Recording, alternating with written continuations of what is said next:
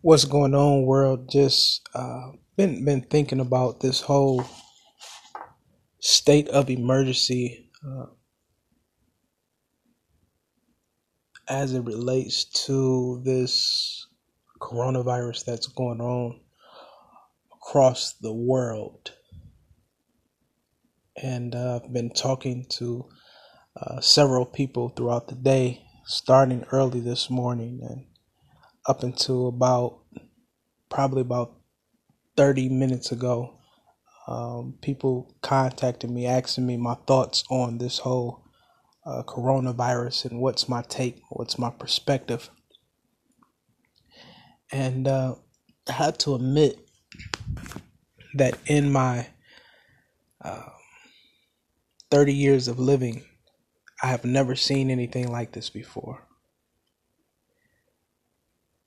Um, you get history lessons where um, you're informed about the several um, flu viruses that went on before me and that had uh, that that affected thousands and millions of people. Um, you, you hear about different things in history that uh, other generations have gone through um, and it has left an indelible mark on um, history. But as of 2020, uh, 30 years on earth, I have never in my life seen anything like this. I talked to a gentleman earlier today, a pastor, who's very persuaded in his faith and he he even told me he said uh man i'm i'm twice as old as you. And uh i've never seen anything like this in my lifetime. And uh it, it, it's it's crazy um that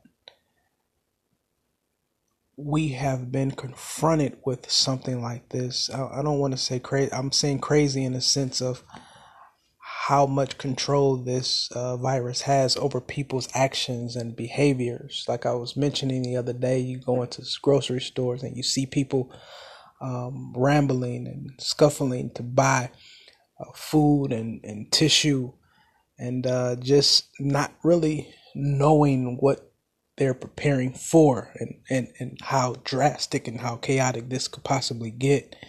Um, and, and you see all of these things go on, it makes you question, makes you wonder on a, on a deeper level, on a spiritual level, what is what is the Creator saying about this? What is God saying saying or trying to communicate to people? And uh, for me myself, I've come to not a conclusion because I'm still thinking this thing through and I'm still um, sifting out what's going on. But at this current moment, current current position that I hold, um, I'm literally seeing God slow people down. That it does not matter who you are, rich, poor, black, white, green, purple, whether you live here in America, in Russia, in China, I'm literally seeing God slow people down and having them come to the realization of their humanity. That I think sometimes that we can get so caught up in our egos and and our in our economic status and social environments and, and our education levels and uh, everything that we accomplish, the, the accolades, that you can forget that at the end of the day, simply put, you are a human being. It does not make you better than the next person. Your, your, your salary does not make you better than the next person. Your your your social uh, activity activities does not make you better than the next person. Your vocabulary does not um, make you better than the next person. At the end of the day, what I am seeing is that God is calling people to be humans. Because at the end of the day, the billionaire can't go out and do what billionaires do. The the, the, the poor man can't not do. They the rich and the poor, the wise and the foolish have to take the same precautions in this season. And I'm wrestling with God like, well, what what do you want to communicate to your people? As a preacher, um, I, I believe that sometimes we can get so caught up in the routine of preaching and and get so familiar with the ins and outs, the routine of what we do from Sunday in to Sunday out. But I'm literally wrestling and asking God in this season, in this time, when I sit still and I listen for your voice I, and I look for you to be found, what is it that you really want to communicate with with with your people?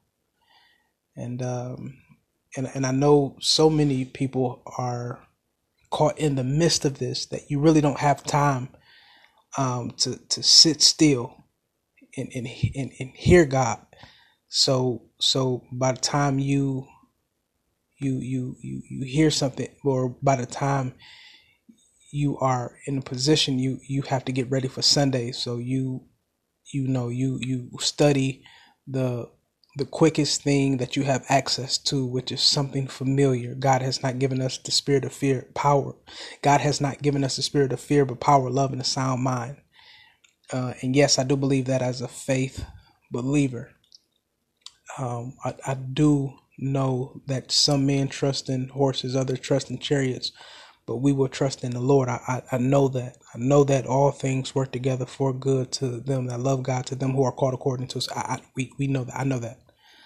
Um, but on a deeper level, what is God trying or what is God attempting um, to communicate to his people? Because I'm looking around and we're not a, too far gone from a season where Australia Australia was dealing with wildfires and um, I looked I seen an article today that said that the Arctic Ocean look it up the Arctic Ocean has found traces of chlamydia in the ocean if that's not crazy if that's not strange abnormal I don't know what is Arctic Ocean has found an STD within the water. So I don't I don't even know how to to to to wrap my mind around that process that how how does an ocean get an STD? So I'm thinking the, thinking through this and I'm gonna spend the next couple days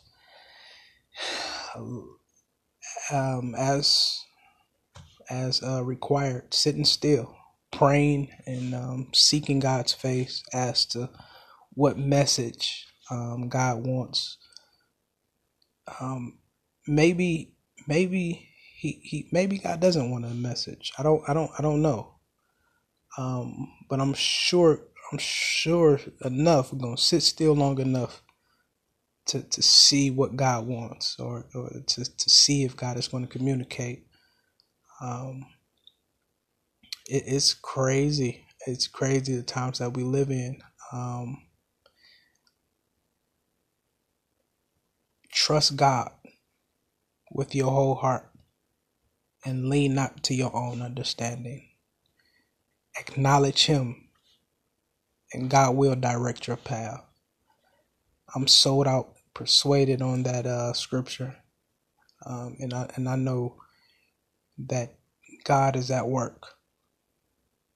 God is at work. I pray God speaks to you in this season. I pray God communicates to you on um, and gives you the wisdom to sift through these times. All right. Go in peace until we meet again.